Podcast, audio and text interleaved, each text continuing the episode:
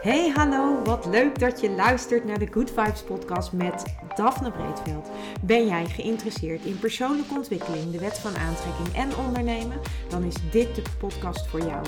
Ik neem je heel graag mee op mijn ontdekkingsreis naar absolute vrijheid. Omdat ik er 100% in geloof dat je alles kunt creëren wat jij maar wilt. Jouw tofste leven en business puur door vanuit je gevoel te leven. Ik wens je heel veel inspiratie en luisterplezier. En stay tuned voor zo'n good vibes.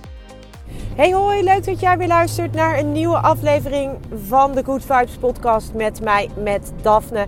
En welkom vandaag. Uh, leuk dat je weer luistert.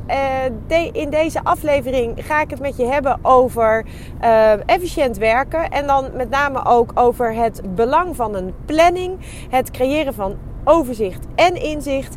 En uh, wat uh, de Nine Star Key met efficiënt werken te maken heeft of kan hebben. En uh, nou, gisteren gaf ik dus een één op één training on the job.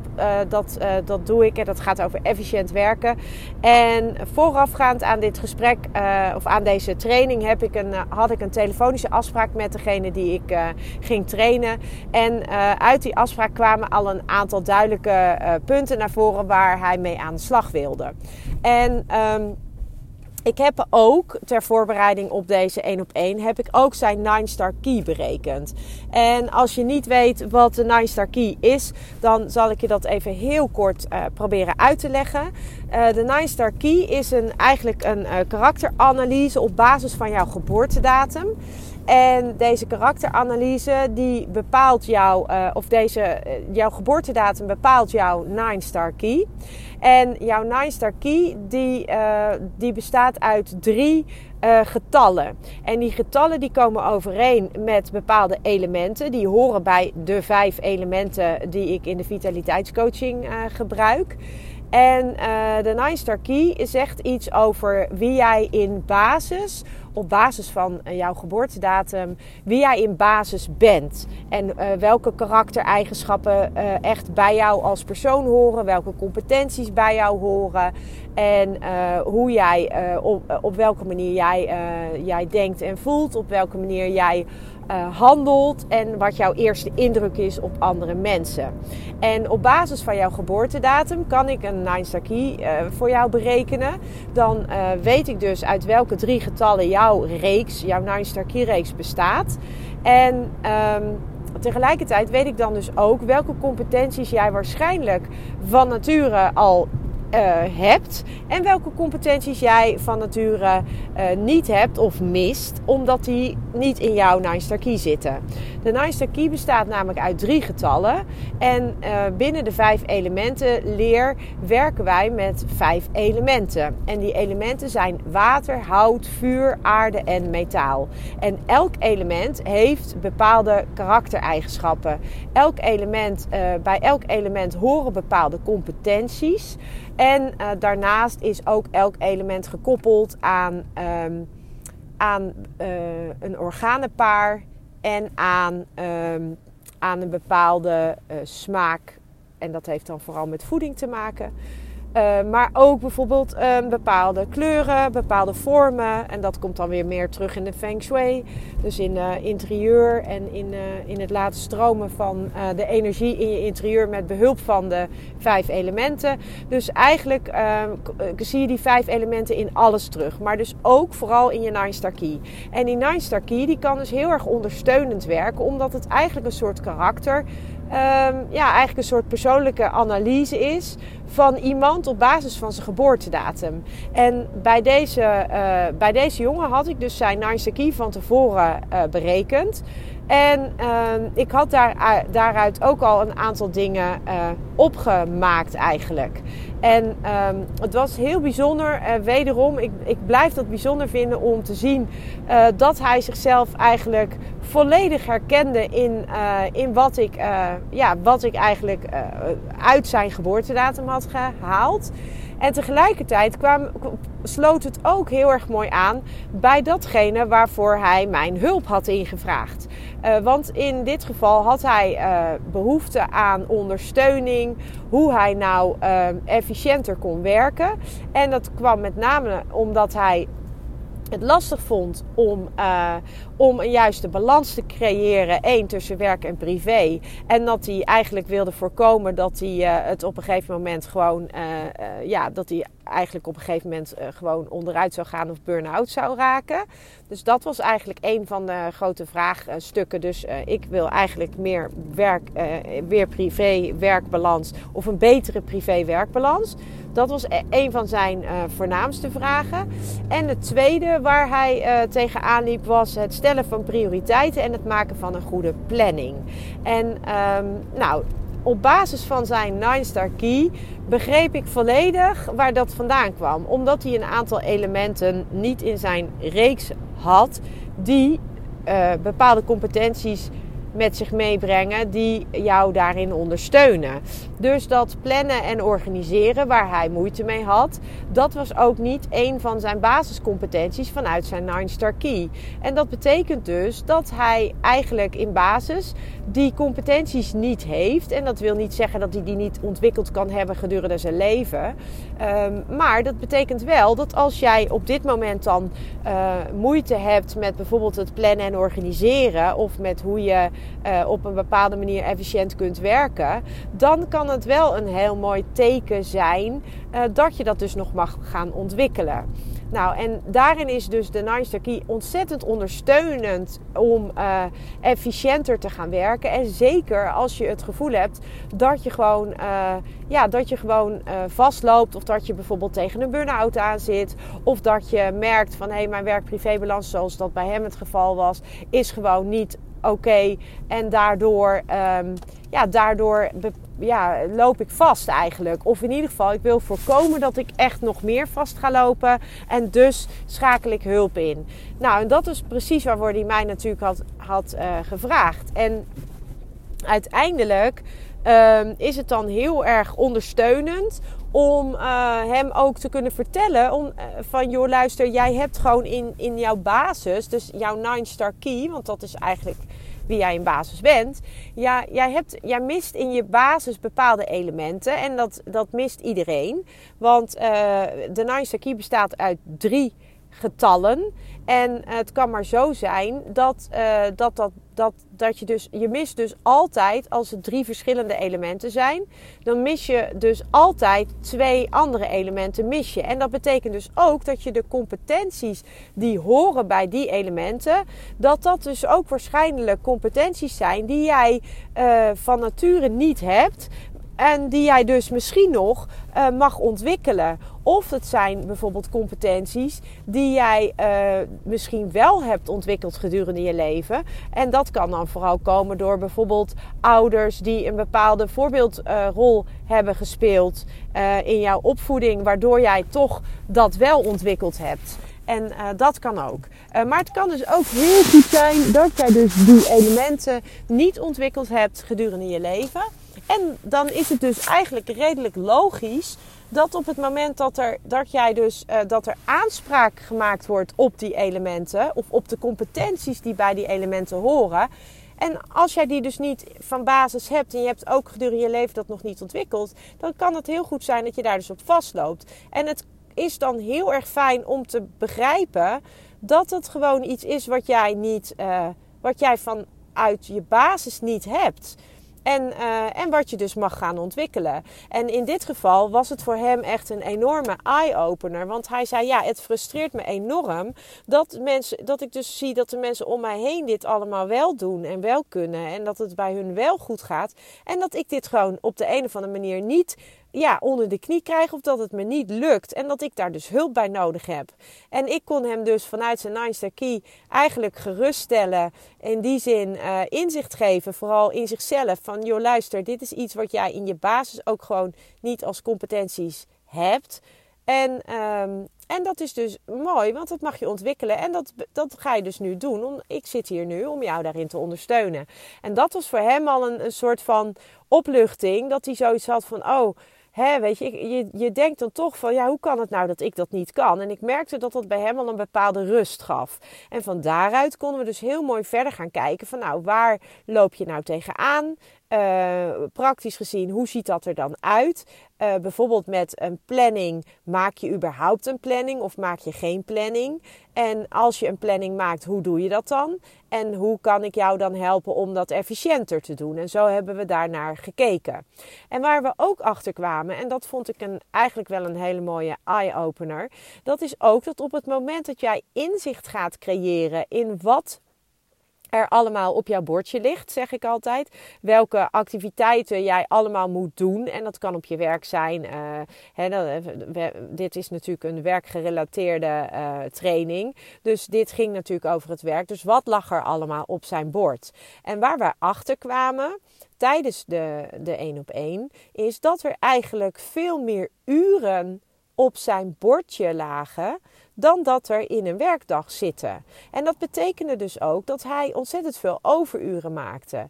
En hij uh, vond dat uh, in feite, in basis vond hij dat niet zo erg, die overuren. Maar um, het was voor hem daardoor wel heel erg lastig om een fijne werk-privébalans te creëren. Want als jij elke dag overuren maakt en als jij dus elke dag pas, um, ik, als je om 8 uur begint en je komt pas om 8 uur thuis s'avonds, dan heb je dus eigenlijk geen privé-tijd bijna meer over. En, um, en dat, dat was iets waar hij echt heel veel moeite mee had. En doordat we inzicht creëerden in alles wat er op zijn bordje lag en de uren die hij werkte, kwamen we er dus achter dat er veel te veel uren lagen voor de tijd die hij uh, werkt. En, dan, uh, ja, en daar kun je dan wat mee één, dat inzicht creëert ook weer een bepaalde rust van oké, het ligt dus niet aan mij dat het me niet lukt. Uh, het komt er gewoon op neer dat er gewoon te veel uren op mijn bordje liggen. En uh, ja, als ik uh, eh, 13 uur op mijn bord heb liggen elke dag en ik werk officieel 8 uur, ja, dan is het logisch dat ik die 13 uur niet, niet red.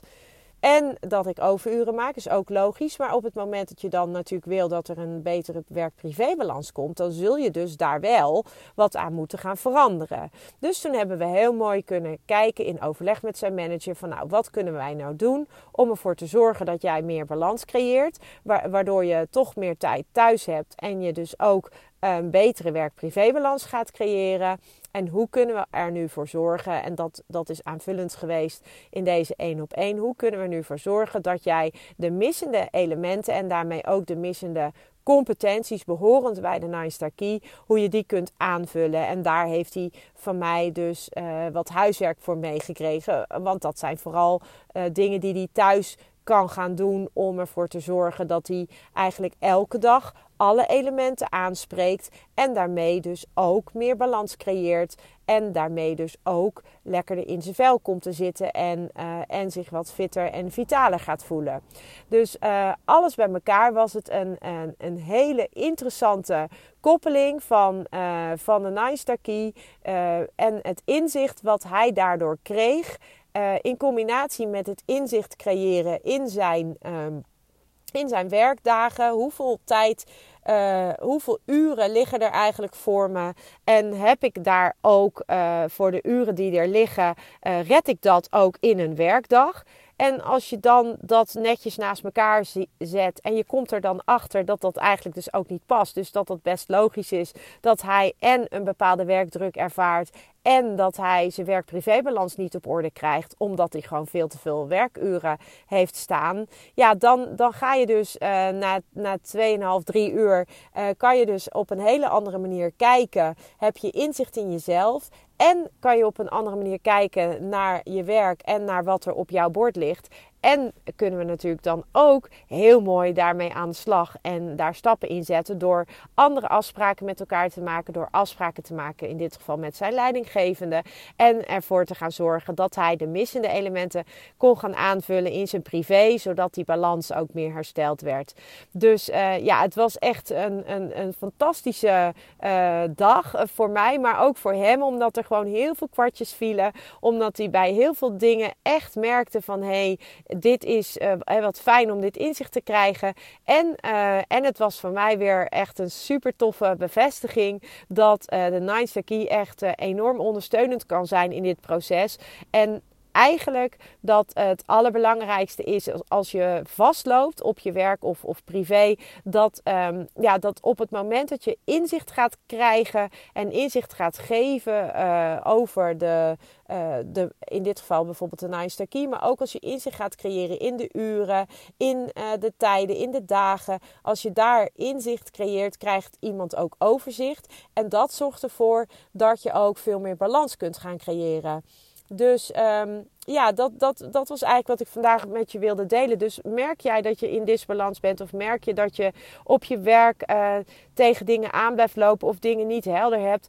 Ga eens een overzicht maken van uh, de uren die jij, uh, of alles wat er op je bord ligt. En probeer daar dan ook een tijd bij te zetten. Dus stel jij moet, um, ik noem maar wat, vergaderingen. Ga alles eens inplannen in je agenda. De terugkerende momenten plannen we vaak wel in, zoals bijvoorbeeld de vergaderingen of coachingsgesprekken of, of afspraken met klanten buiten de deur. Die plannen we allemaal vaak wel in. Maar ons uh, andere werk, zeg ik altijd maar, ons echte werk, dat plannen we vaak niet in. En dat is zonde, want als je het gaat inplannen, zie je, is het één, veel lekkerder werken. Omdat je, als je je dan aan je eigen planning houdt, met veel vaker met een voldaan gevoel naar huis gaat. Want dan word je niet geleefd door een mailbox of je wordt niet geleefd door alles wat er tussendoor komt, omdat je een duidelijke planning hebt gemaakt. En een tip voor een planning: maak ook nooit als je acht uur per dag werkt een planning die acht uur achter elkaar alles plant. Nee, hou gewoon ongeveer een kwart van je dag, dus twee uur, hou dat ongeveer uh, vrij voor dingen die uitlopen, voor uh, dingen die tussendoor komen. Dus plan ongeveer 6 uur. En de overige 2 uur die hou je gewoon lekker open. Zodat daar ruimte is om andere dingen te doen. En um, nou, dus, dus je plant eerst uh, al die terugkerende momenten. Plan, uh, dat zet je vast in je agenda. Vervolgens uh, pak je alles wat er verder nog op je bord ligt bij. Plan dat ook in jouw agenda. En ik zeg altijd: plan vaste momenten voor je mail. Het liefst een uur per dag. En dat doe je dan aan het einde van de ochtend en aan het einde van de middag. Zodat je s'morgens als je start gelijk gefocust kunt starten aan iets waar je aandacht voor nodig hebt. En dat geldt ook voor het begin van de middag. Als je in de lunch een frisse neus hebt gehaald. Uh, ook dan start je weer met je focusuurtjes. Uh, zoals ik dat dan noem. Dus eh, start met focusuurtjes omdat je s'morgens vaak het meest helder nog bent. Je, dat werkt gewoon het lekkerst. Start niet met je mail, want dan zit er alweer veel te veel in je hoofd wat je allemaal nog moet doen. Dus start met je focusuren. Pak aan het einde van de dag een mailuurtje of een half uurtje. Werk um, ook efficiënt je mail weg. En dat betekent dus dat je bij elke mail die je opent daar neem je actie op. En of dat nou actie is dat je het gelijk afhandelt, of dat het actie is dat je er langer de tijd voor nodig hebt en dat je het dus ergens in je agenda gaat inplannen, dat, dat is aan jou. Of dat je het bijvoorbeeld op een actielijst zet, uh, dat is aan jou. Maar zorg ervoor dat je die mail niet honderd keer opent. Dus, dus uh, je opent een mail en je onderneemt actie. En wat die actie dan ook is. En zo handel je je mail af. Want op die manier werk je efficiënt en kun je ook mailtjes gewoon uit je mailbox of uit je inbox gooien, omdat je het gewoon af hebt gehandeld. En dat geeft en een heel lekker gevoel. En het helpt jou ook om, uh, om gewoon die mailbox naar, uh, ja, het liefst naar zero te brengen. Omdat het gewoon heel lekker is als je elke dag een lege inbox hebt aan het einde van de dag. En um, nou, als we dan kijken naar, uh, naar de middag, dat is dan even, oh, dat was even over de mail uitweidend. Maar start ook na de lunch gewoon weer met focusuren. En uh, hou aan het einde van de dag een, een uurtje ook weer over, of een half uurtje over, om wederom je mailbox te doen. Om uh, te kijken naar wat je de volgende dag mag doen. Om je planning nog even te controleren. Uh, check vooral ook dat als je afspraken buiten de deur hebt, dat je reistijd inplant. Um, zoek bijvoorbeeld op, uh, op Maps of iets uit hoe lang is je reistijd. En hou altijd wat extra reistijd. Want je weet nooit wat je onderweg tegenkomt. Maar op die manier kun je gewoon, uh, als je dat ook inplant, heb je gewoon heel veel uh, creëer je heel veel rust. Omdat je en overzicht creëert en je creëert inzicht. En dan kom je er dus ook heel snel achter of jij uh, te veel werk op je bord hebt liggen. Of dat jouw werk wel degelijk past in de uren die je maakt. Dus um, dat efficiënte werken, en planning is daarin echt ontzettend ondersteunend. Ik zeg altijd: wat je niet plant, is er eigenlijk niet. Dus uh, als je een lege agenda hebt, dan heb je eigenlijk helemaal niks te doen. Dus, nou, dan roepen mensen altijd: ja, nee, want ik heb heel veel te doen. Nou, oké, dan wil ik dat je het in je agenda zet. Dus ook voor jou, als je dit luistert en jij voelt je nu een beetje betrapt, um, ja, je moet dingen inplannen. Want als je plant, dan uh, heb je het overzicht en het inzicht. En dat betekent overigens niet dat je.